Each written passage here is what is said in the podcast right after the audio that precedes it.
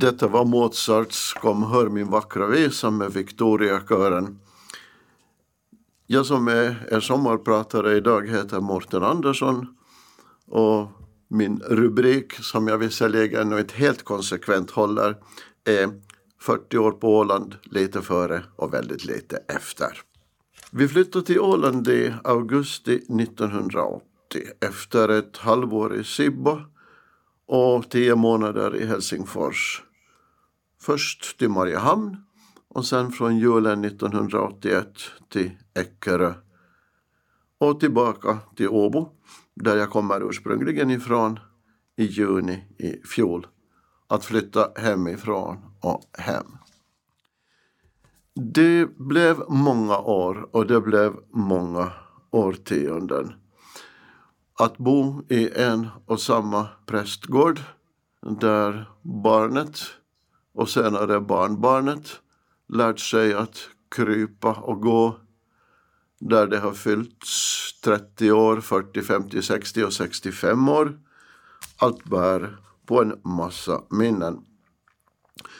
Och visst var det en upplevelse, det måste jag ju säga, att bli pensionär. Att eh, flytta i, som det nu heter, mogen ålder, inte vet jag nu hur mogen den är, från en underbart vacker och framförallt rymlig prästgård till en eller i vårt speciella fall till två bostäder i höghus. Ett år senare kan man konstatera att det som togs med, och det var mycket, det har nu på något sätt funnit sin plats. Utom vissa saker som inte har kommit fram ännu heller. För det finns så himla mycket av allt.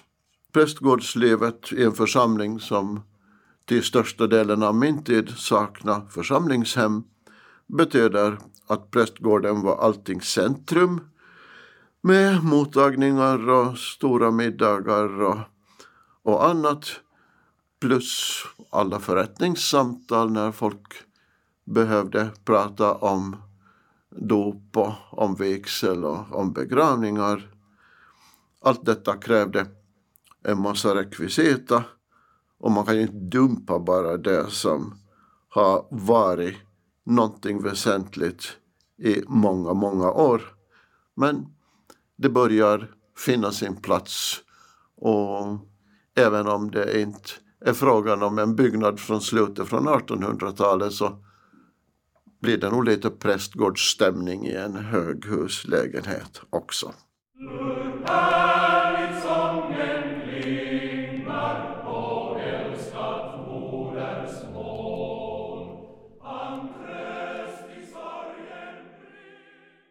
Ja, detta var modersmålets sång. Jag har alltid haft lätt att lära mig saker utan till.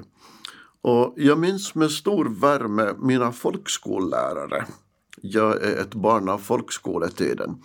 Som inte förstod och inte dalta utan som krävde och smällde ibland med dagboken, ibland med linjalen, ibland med knytnäven i katedern och sa nu är det tyst i klassen. Och jag minns de som krävde, krävde salmer och sånger och tabeller och kunskap och som lärde oss svenska, vårt modersmål. Som i mitt fall man knappt hörde utanför skolan och hemmet i en väldigt finsk stad. Jag har mött väldigt många olika svenskor. Och nu talar jag inte om svenska damer utan olika svenska språk under mitt liv. Eh, de första fyra åren bodde vi på en holme ute i skärgården eftersom, eftersom ryssarna hade bombat Åbo så att det var en otrolig brist på bostäder. Det gick inte helt enkelt att få tag på någonting. Och där pratar man en sån här urgammal dialektsvenska som jag undrar om jag ens skulle förstå idag. När jag var fyra år gammal så flyttade vi till Åbo och då gick det nu på av viss gammal fart. Men sen när skolan började, då var jag tyst nästan ett helt år. för jag vågade inte prata min svenska för då skulle alla fina stadsbarn ha skrattat och gjort narr utan jag lyssnade och tänkte aha, så där ska man säga. Den gamla svenskan den var till exempel väldigt fattig på bokstaven Å. När man i stan sa många gånger så sa man där ute mangangor och så vidare. Och sen 50 år senare så mötte jag en dam som hade flyttat från Eckerö till Sverige och det var precis samma syndrom. Hon sa, jag är så tacksam att jag insjuknade när vi kom till Sverige och jag måste vara sängliggandes hemma i tre veckor. Och det var sommar och jag hade fönstret öppet och så lyssnade jag hur de pratade där ute och så försökte jag säga likadant. Att skriva svenska, det har alltid varit rysligt svårt. Och det är väldigt svårt ännu i den dag. Och alla år när jag har haft konfirmanderna att göra skrivningar så frågar de en ängsligt Du tar väl inte fel för skrivfel? Och jag säger nej, nej, nej, nej. Bara jag förstår, bara jag kan läsa överhuvudtaget. Jag möts av skrivfel och stavfel och ordfel hela tiden. Ibland blir det nästan en ångest att öppna en tidning och på första sidan så ser man att oj nej, det här är inte alls rätt. När det gäller rätt och fel i det svenska språket har jag liksom ingen medelväg. Betong skrivs inte med å. Omskrivning, gör om. Oj vad vi fick skriva om och rött blev det jämt i marginalen. Och sen hade vi ett spännande ämne som var en skräck för oss pojkar. Och i folkskolan hette det välskrivning och i läroverk hette det kalligrafi. Med bläck och med stålpenna och pennskaft och bläckhorn. Penntorkare som man tillverkar själv och läskpapper. Och stapelbågar och öglor och slingor och lutning och vi pojkar kom nästan aldrig upp i något vitsord. Välskrivning var någonting för snälla flickor. Modersmålets sång hörde till de sångerna som vi fick lära oss redan på klass 3. Hur våra öden randas, den sången är oss kär, vår själ i honom eller hörde ni när kören sjöng Vår själ i honom andas. Precis som vi sjöng på vår tid också. Inte honom utan honom, dig och mig och sig. Det var den tiden. Den sången har haft en speciell betydelse för många människor som har flyttat bort under långa tider. Biskopen Sven Danell i Sverige skriver i sin memoarbok om hans tid i Estland att när de var tvungna att flytta bort när kriget närmade sig, flytta till Sverige tillbaka, då var det den sången som hade talat speciellt, speciellt kraftigt åt honom. Estlandssvenskarna gick svåra öden till mötes. Hur våra öden randas. Vi vet inte hur ödet är. Vi kan bara hoppas.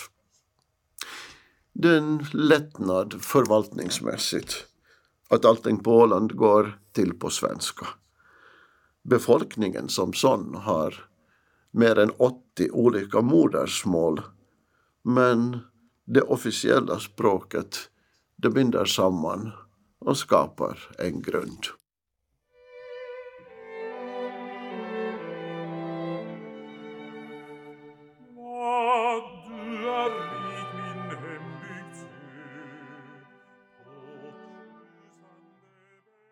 Detta var visat i Åland och det var Valton Grönros som sjöng. Jag hörde den här sången första gången i juni 1974. Vi var på födelsedagsuppvaktning. Jag var första årets teolog och var sommarteolog i Mariehamn. Första årets teolog som kunde och visste väldigt mycket, åtminstone enligt mig själv. Det var kyrkoherden, prosten Stefan Snellman som sjöng den här sången åt jubilaren med folkbokföraren och folkskolläraren Holger Eriksson vid pianot, ett stort svart piano. Och jag tyckte att oj, det här var, det här var vackert. Och den åländska sommaren, den var som vackrast. Det var före midsommar just, allting blommade och det var helt enkelt en sådan kvävande skönhet som omgav. Den här visan till Åland den är ju som de flesta visor lite vemodsfull också.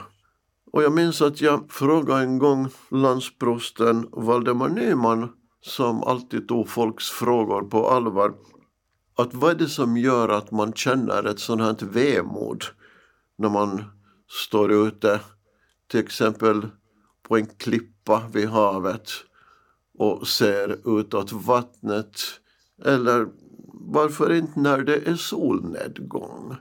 En sådan, ett sådant vemod som liksom drar. Jo, jo, jo, sa Valdemar, det är ju alldeles, det är ju alldeles naturligt. Eh, inte längtar man ju i havet utan man längtar till himlen. Det är människans inneboende evighetslängtan som skapar den här stämningen. Jo då, sommaråland det är nog vackert det oftast. Men vinteråland då, i vinterns kulna dag. Och det är så att vinteråland har jag inte blivit klok på på många, många år. När vi flyttade till Ekerö så var det minst en meter snö. Flyttbilen körde fast sig i drivan vid, vid grinden. Och mycket av ungdomarnas energi gick åt att skotta snö och att borsta snö och att snöröja hit och dit. Och nu då? Någon dag av snö som man får snöröja sig fördärvad på. Och sen nästa dag kanske det regnar. Och blixthalka är det hela tiden. Och man vet aldrig liksom vad det än blir för konstig vinter.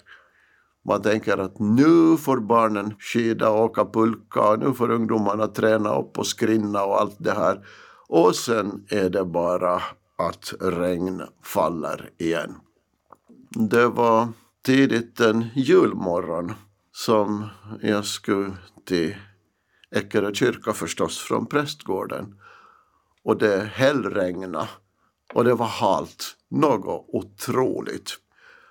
Och jag funderar att vad blir det bäst att sätta på fötterna?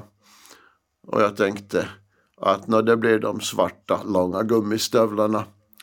Och på vägen till kyrkan, det är cirka 200 meter, så ramlar jag tre gånger. Två gånger på mage och en gång på rygg.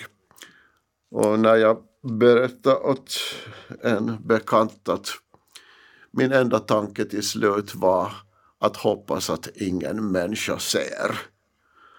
Ja, sa bekantingen, ja, ja, präster är nog inte riktigt som annat folk. Varje normal människa skulle ha sagt att hoppas att ingen hörde. Jaha, sa jag, just så, nej för mig räckte det att ingen såg. Och något blöt och full av fläckar kom jag till kyrkan och då skulle man måla upp landskapet med julen och Betlehem och allt det här väldigt vackra.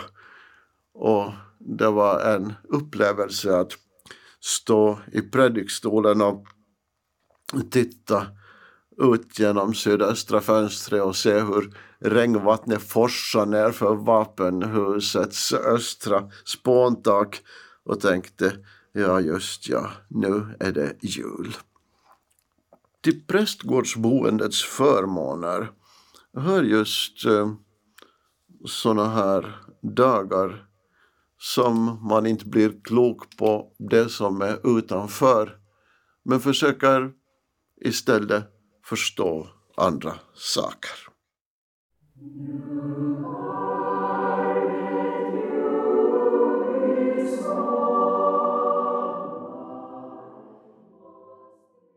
Detta var alltså söndagsmorgon med Aurorakören. Till prästgårdsboendets många förmåner hör just de här, precis de här sommarsöndagsmorgnarna när vädret är varmt och vackert och det är alldeles tyst ute.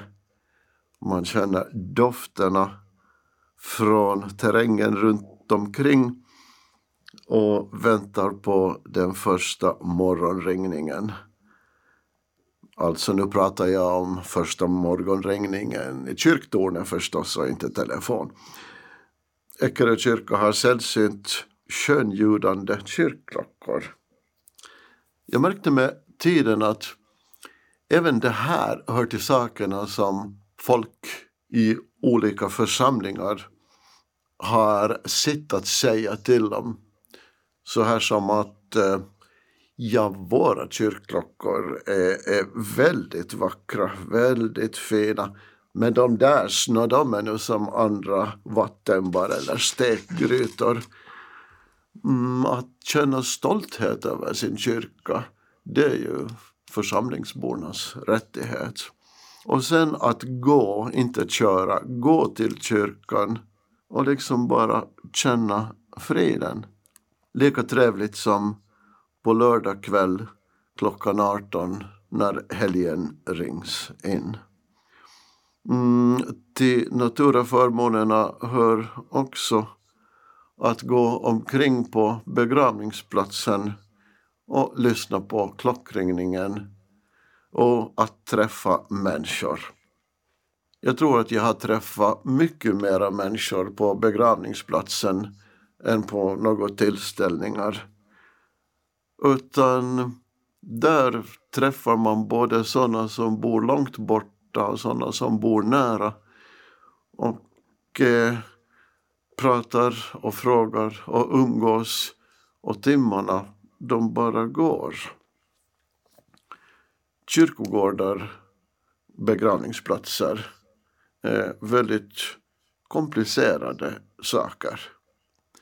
Så tillvida att vår kyrkogårdskultur är ju inte så där rysligt gammal. Utan ännu för hundra år sedan så var de i praktiken helt oskötta. Och tidigare var det ju så att klockan hade kyrkogården som naturaförmån, som fårbete bland annat. Och det har man ju svårt att tänka sig i dagens välskötta värld.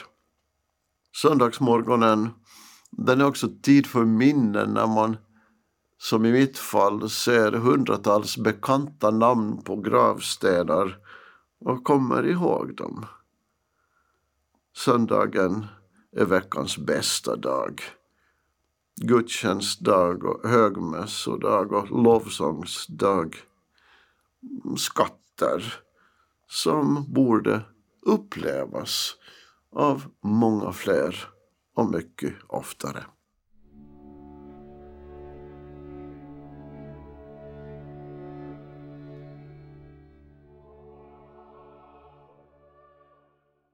Detta var alltså Mozarts Ave Verum, nattvardshymnen, var hälsad Sanna Kropp. Jag är inte så där fruktansvärt berest som nu folk är nu för tiden men nå lite ditåt ibland. Och eh, det var en gång som jag var i Venedig och eh, var på mässa i Markuskyrkan och, och där sjöngs den här hymnen som församlingssång. Och det tyckte jag var väldigt fint. Det är otroligt fint om man har en kör som deltar i gudstjänstlivet. Som deltar, inte bara sjunger en trudelutt någonstans emellan utan som deltar.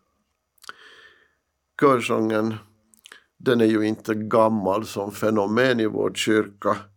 I de flesta fall knappa eller lite över hundra år. Och körsången är ju i kris med ojämna mellanrum. Ibland blomstrar det och ibland vissnar det. Tidigare, och kanske det som skrämde folk var det att man hade ett evighetsperspektiv också på verksamhetsfronten.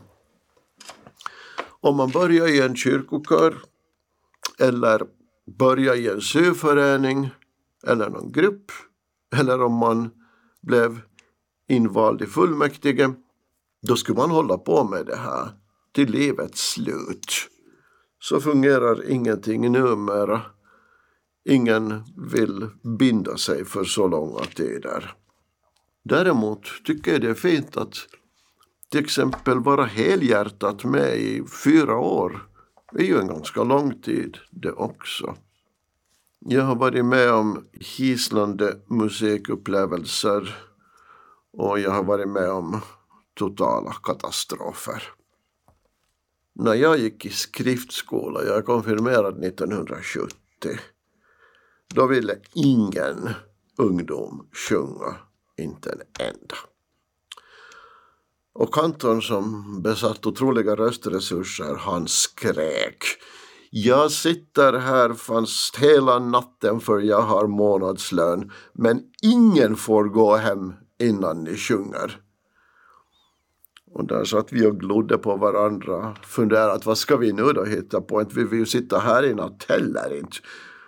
Så vi tog skeden i vacker hand och sjöng. Men det lät väldigt hemskt. Så han orkade inte lyssna på oss utan vi fick gå. Många av mina upplevelser är inte bara från Eckerö för jag har haft ett sånt här dubbelliv. Det handlar om att jag har också en sån här tjänst i en församling i centrala Tallinn i Helgeandskyrkan som assistent. Och där handlar det aldrig om att var ska man hitta en kantor till söndagen? Är vi utan nu igen? Och detta som många kyrkoherdar stönar över att nu får vi börja vår kantors, ja, vårt kantors jagande på måndag så kanske vi får någon till söndagen. Utan i Helgeandskyrkan finns inga kantorer, där finns organister. Och eftersom Estland är en musikalisk nation så är organisterna oftast diplomorganister, diplompianister och även diplomkompositörer. De sjunger inte, de spelar. Jag var något ställd liksom när jag fick frågan i början av min era där i slutet på 80-talet att eh, vilken är er bekvämaste tonart? Och jag tänkte, vad så? Hemma går alltid i F och i G vilken är er bekvämaste tonart? Och så transponerades det utan problem, kvintcirkeln runt om det behövdes. Och jag hörde då en gång motiveringen till dessa frågor. Om prästen inte har en bekväm tonart så blir han på dåligt humör. Han sjunger inte vackert och gudstjänsten förlorar i kvalitet. Alltså ska man hålla prästen på gott humör och ha en lämplig tonart. Nå jo, visserligen, visserligen. Jag blev också ställd när orgelprofessorn i början frågade vad önskar pastorn för, för kompositör för postludiet? Och jag fann mig inte alls. Jag tänkte, äh, frågar någon mig om sånt? Så jag sa, nå, nå ska vi ta någonting av Bach? Nja, sa han, jag avråder. Min Bach är ganska torr idag. Jaha, så jag passade med någon fransman. Det passar utmärkt, vi tar Vidor. Och så blev det Vidor. Och då var allting på kvalitetshöjd och gudstjänsten fick inte lida för att någon gjorde bort sig.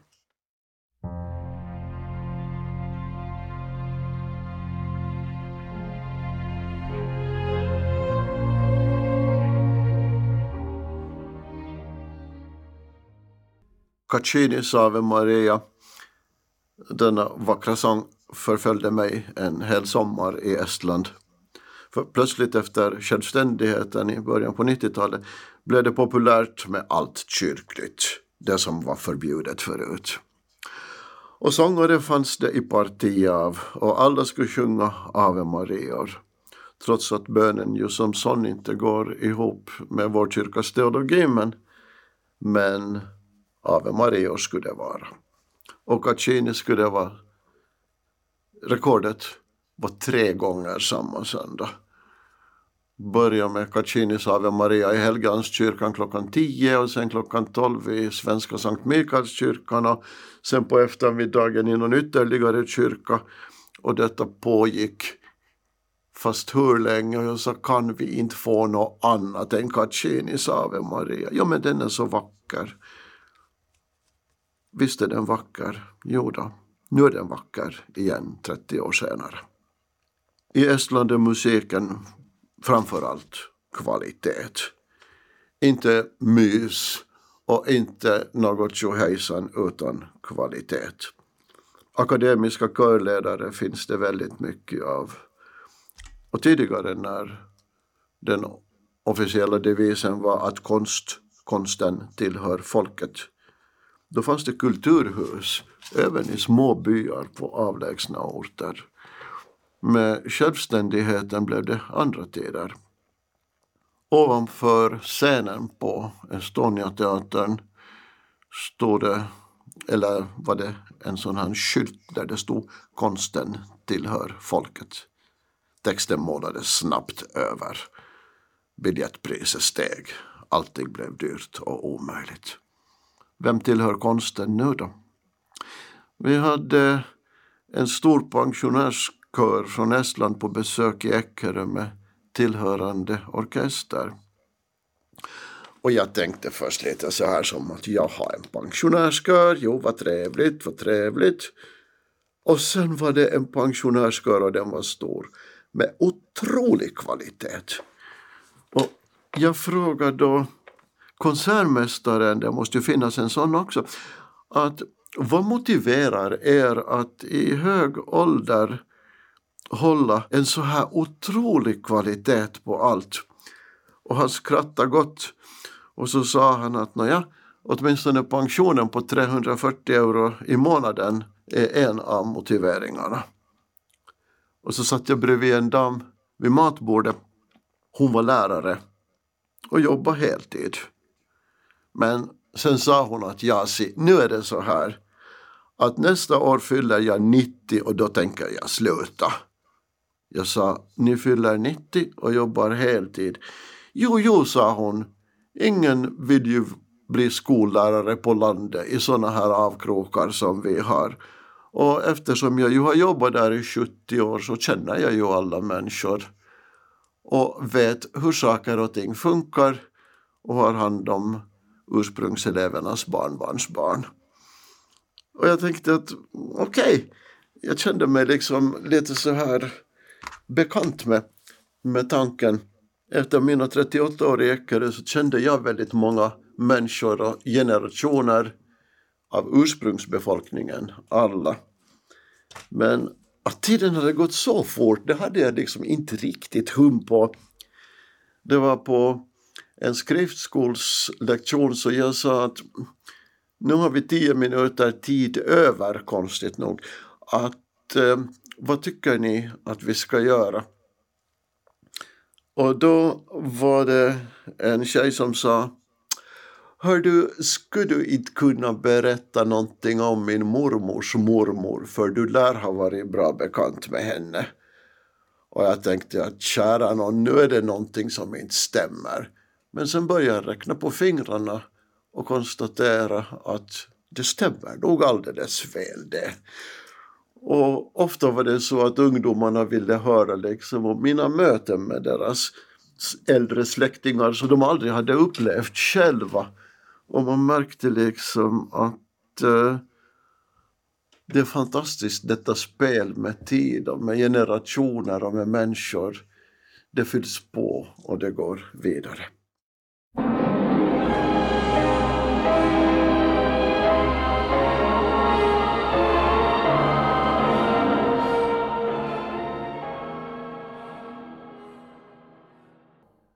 Detta var Albert Heimalots uh, eh, Fader vår, The Lord's Prayer med Barbara Streisand.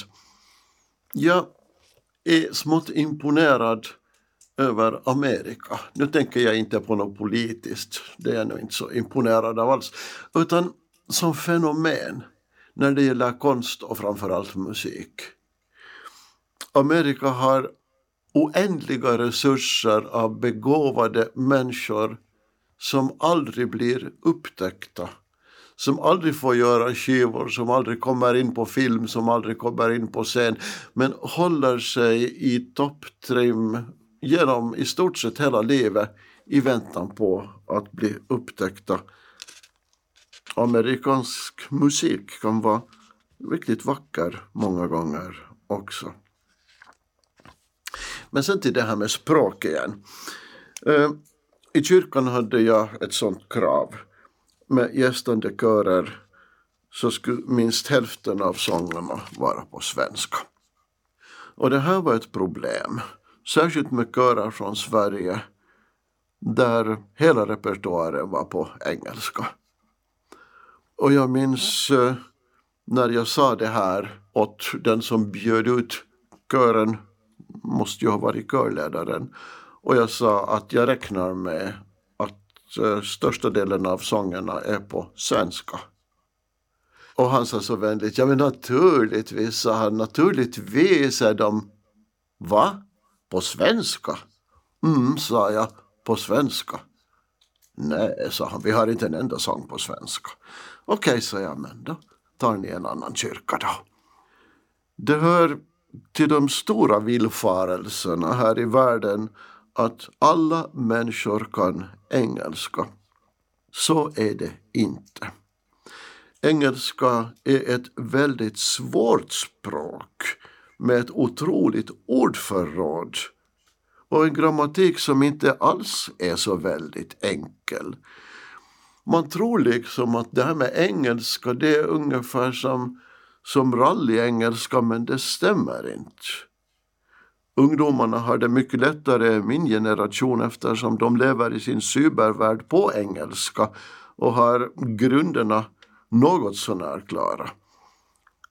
Däremot är det bekymmersamt att ungdomars kunskaper om sin näromgivning är ofta väldigt minimal. Jag märkte vad åren gick. Att man kände inte igen olika platser i sin närmaste omgivning för alla berg och vikar och hagar och lindor, till och med stenar ibland och sund har sina namn. Lika självklart som att växter har ett namn. Snart är den kunskapen historia om ingen lär vidare om vi äldre inte gör något åt saken. Det här påpekar jag många gånger i mina föräldrakontakter och de säger men ingen är intresserad. De säger ja men nu håller du på och tjatar om det där igen. Och jag sa men tjatandets gåva är en väldigt viktig sak. Det är vår vuxna plikt att tjata om saker som vi anser vara viktiga. Det har sin betydelse även för framtiden.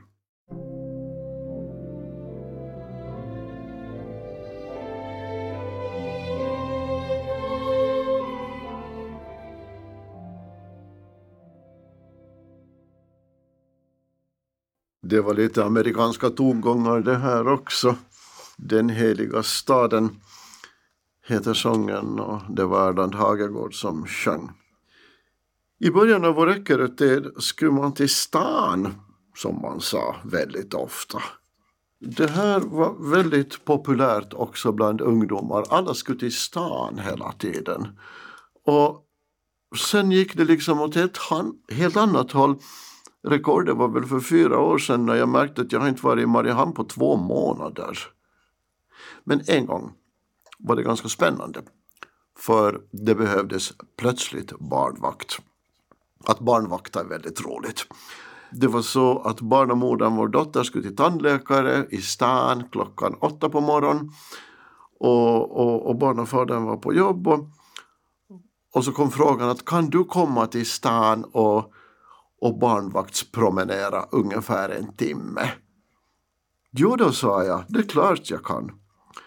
Och då märkte jag att efter hmm, årtionden av, av frånvaro på något sätt så fanns det en massa som hade ändrat och blivit annorlunda. Nya affärer hade öppnat och gamla hade stängt och, och så vidare. Och tydligen var barnbarnet, fast hon var jätteliten, intresserad av stan också så hon vägrade sova, men hon skrek inte utan titta nyfiket.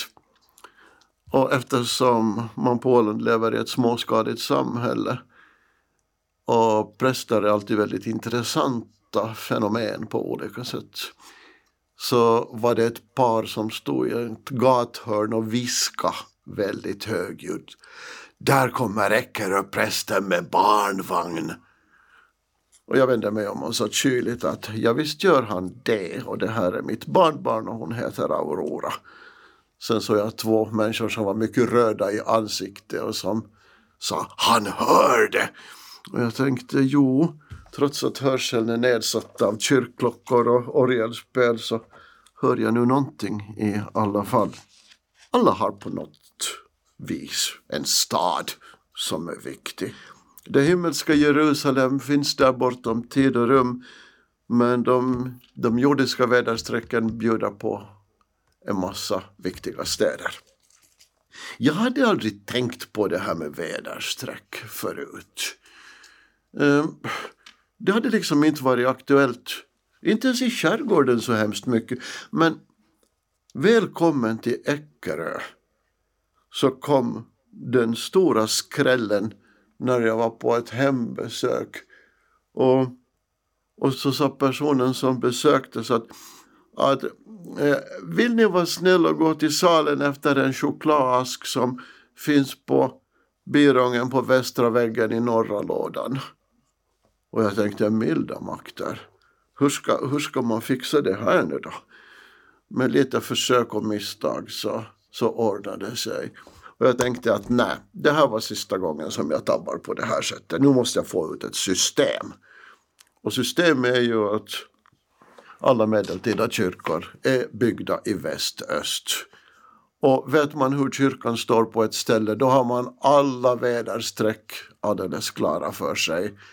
Och problemet, ja, det fanns inte sen mera. Andra som inte var bra på det här, de hade ju problem med mig förstås sen. För när jag sa att nu sitter ni på norra sidan i kyrkan så blev det alltid protester. Att är det höger eller vänster? Jag sa det är ingen där, det är norra. Vänster när man kommer in, höger när man går ut beroende på och så vidare. Jag blev en riktig sån här väderstrecksmänniska till slut som fortfarande skapar, skapar konfundering i min omkrets eftersom Åbo domkyrka som jag ser från fönstret så är också byggt i väst-östlig riktning. Det var en gång en gammal prost som tog ett vikariat i sin första församling där de hade trivats väldigt bra. Han blev hemskt besviken. Allt var annorlunda 50 år senare. Ingen kom ihåg honom, det var väl det värsta. Och han sa att man ska aldrig återvända till gamla smultronställen bara för en liten stund. Att bo på Eckerö i 38 år har varit väldigt intressant. Tänk, jag har upplevt de som var födda i slutet på 1800-talet. De var ju inte så väldigt många men, men det var en hel del. Och att jämföra de första lite respektfyllda konfirmanderna med senare tiders med de första konfirmandernas alltså barn som också blev konfirmander med tiden. Det, liksom, det går inte. Mm, det är en otroligt fin känsla att konfirmandernas föräldrar också har varit mina konfirmander. Och att svara på viktiga frågor som inleddes med att ja, du som är lite äldre så, så du kanske vet det här. Och när det gällde vissa fenomen så försökte jag, Eh, försökte jag vinna tid och, och sa att jag tycker att ni skulle fråga hemma, de kanske kan sånt här bättre. Och svaret var konstant nej, vi vill veta vad du tycker. Och till de senare, senare årtiondens viktiga fråga, inte har du kaffe på gång? Jo då, det hade jag. Och det imponerar mig väldigt att efter en lång skoldag med långa resor och så vidare så tyckte man det var roligt att gå i skriftskola med en total närvaroprocent som var enorm. Mm, det var en förälder som berättade åt mig att de hade kommit i delo, i gräl med, med konfirmanden. Mamman hade sagt att hör du, du ska inte till skriftskolan ikväll för du är så snorig. Och konfirmanden exploderade med en gång och sa Och vem har sagt det? Har Mårten sagt det? Nå nej, det är jag som säger det. Ja, du kan vara tyst att jag skulle missa enda trevliga kvällen i veckan bara för lite snuva. Ja, men du kanske smittar ner andra. Ja, no, det är deras problem. Nu går jag. Och det var det. Med den inställningen så var det så att man, inte man, utan jag väntar på varje konfirmandträff. Liksom jag väntar på varje undervisningsgång i förskolan där viktiga problem handlades. Sexåringarna är otroliga. Eller möten på skolan, på skolmorgonsamlingar eller på äldreboendet där, man, där jag fick del av de äldres berättelser från ett långt liv.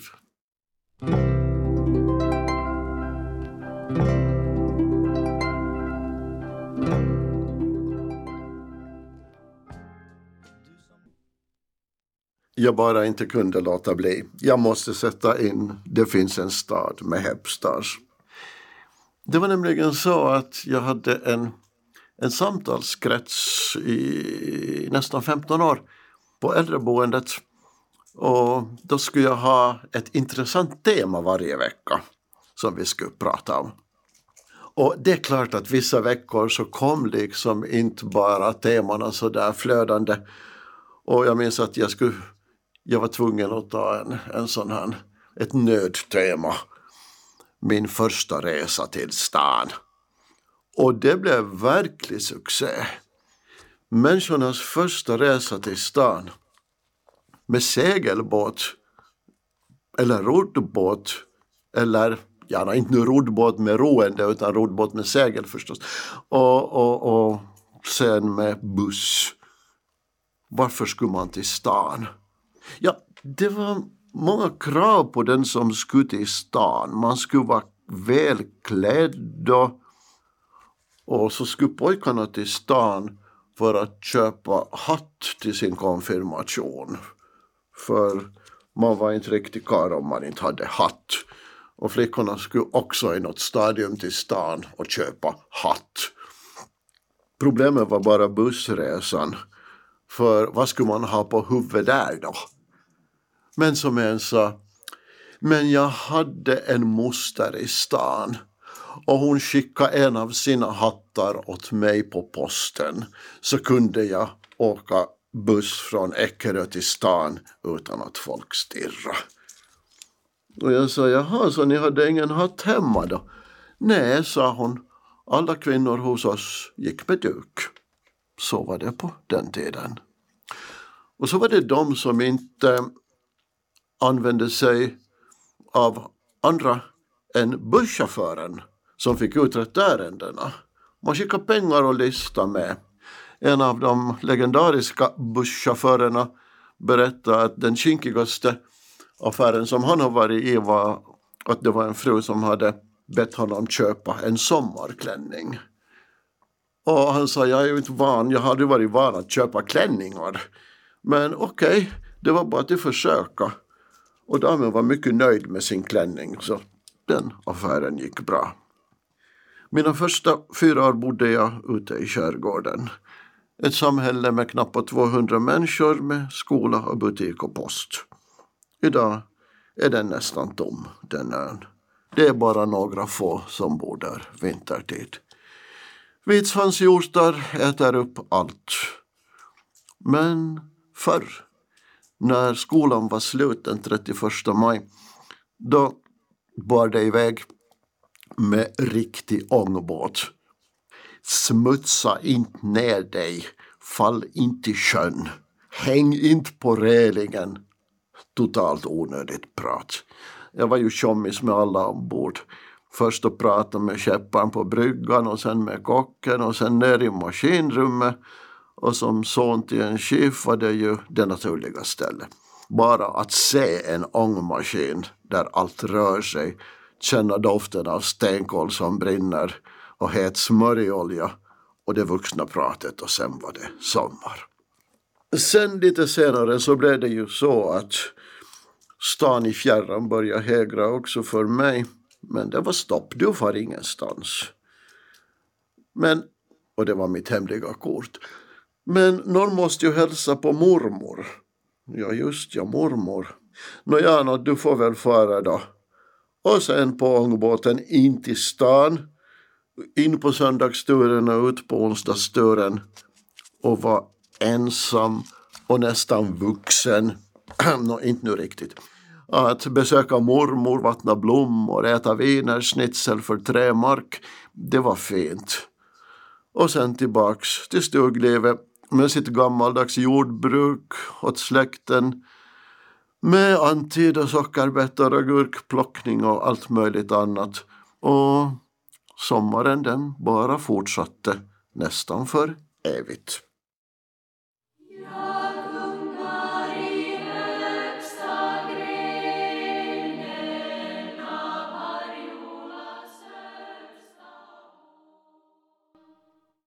En sommardag i Kangasala. Jag gungar i högsta grenen med Primavera-kören Den sången kom med tredje skolår. Då var det slutsjunget med barnsånger. Utan tillsammans med sånger typ Jag sitter källa vid din rand, Slumrande tonar vårt land och många, många fler. Stora högstämda sånger som vi barn inte förstod just någonting av. Men vi var stolta att kunna, utan till dessutom. Och där satt tant Irene vid sitt orgelharmonium och trampade på och vi sjöng. Nästan skrek. För tant Irene sa att det ska klinga när man sjunger. Vi fattade ju ingenting. Vi visste ju förstås att slår man med någonting mot metall så klingar det. Men hur man nu skulle överföra det till sången. Men sen kom vi på att ju högljuddare vi sjöng, ju mer vi gapade på, desto snödare var tant Irene och då klingade det. Det har varit av största nytta att kunna dessa skolsånger, stamsånger som de kallas. För vid otaliga tillställningar med äldre människor så är just de här sångerna de som folk ännu kan och tycker om. Och den stämningen som allsång skapar, den är enorm. Det är ju så att allsång där ingen sjunger, den är hemsk. Utan det är liksom styrkan och gemenskapen som bygger upp det. Och en sommardag i Kangasala har någon gång utsetts till Finlands populäraste allsång. Jag börjar med att sjunga Folkvisa av Oscar Americanto.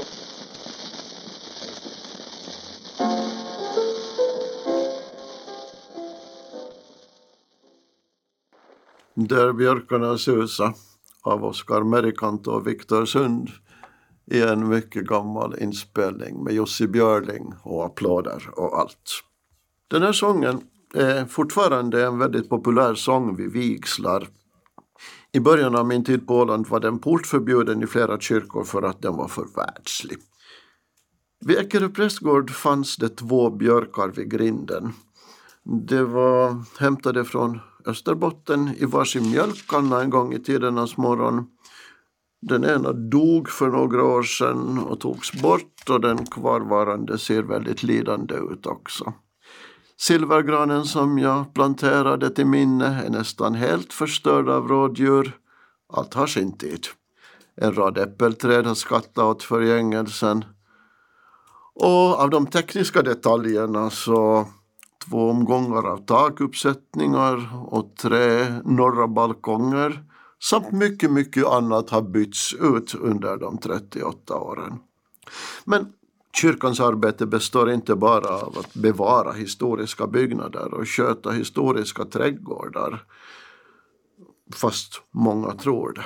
Det består, det arbetet, av människor. Kyrkan samlar mest människor av olika företeelser, mera, massor mera än många föreningar. Det är prästens uppgift att vara medvandrare, att vara privilegierad att lyssna och lära av andra människor, att ta del av berättelserna, att vara omgiven av väldigt många olika områdens experter. 40 år. Åland har utvecklats och ändrats naturligtvis. Livet och samhället står aldrig stilla. Så är det ju och så ska det vara. Den 9 juni i fjol kom flyttlasset från Eckerö. Lindrig panik. Hur ska allt det här rymmas in i våra två föräldrahem? Och frågan, vad ska ni göra sen då? Ungefär som att eh, man joggar vidare och tar sig an nya uppgifter när man är pensionerad. Många gör det men det är fint att vara pensionär. Dessa lugna morgnar att återupptäcka släktingar som man inte har träffat på årtionden. Att vandra på sin barndoms gator och platser. Trevligt att kunna leka med barnbarnet som bor rätt nära. För Åland finns ju kvar. Hela tiden. Ingen tar bort det. Och det är bara att komma när man känner för. Vår sista sång idag heter Långsamt som kvällsskyn och det är Kaj Erstedt som sjunger. Och det finns två olika teorier. Fjärran som ekot dör efter sista utdragna tonen av kär som han troligen sjunger flickans sång. Och enligt vissa litteraturforskare så ska det vara fågeln Kärfläckan fläckan.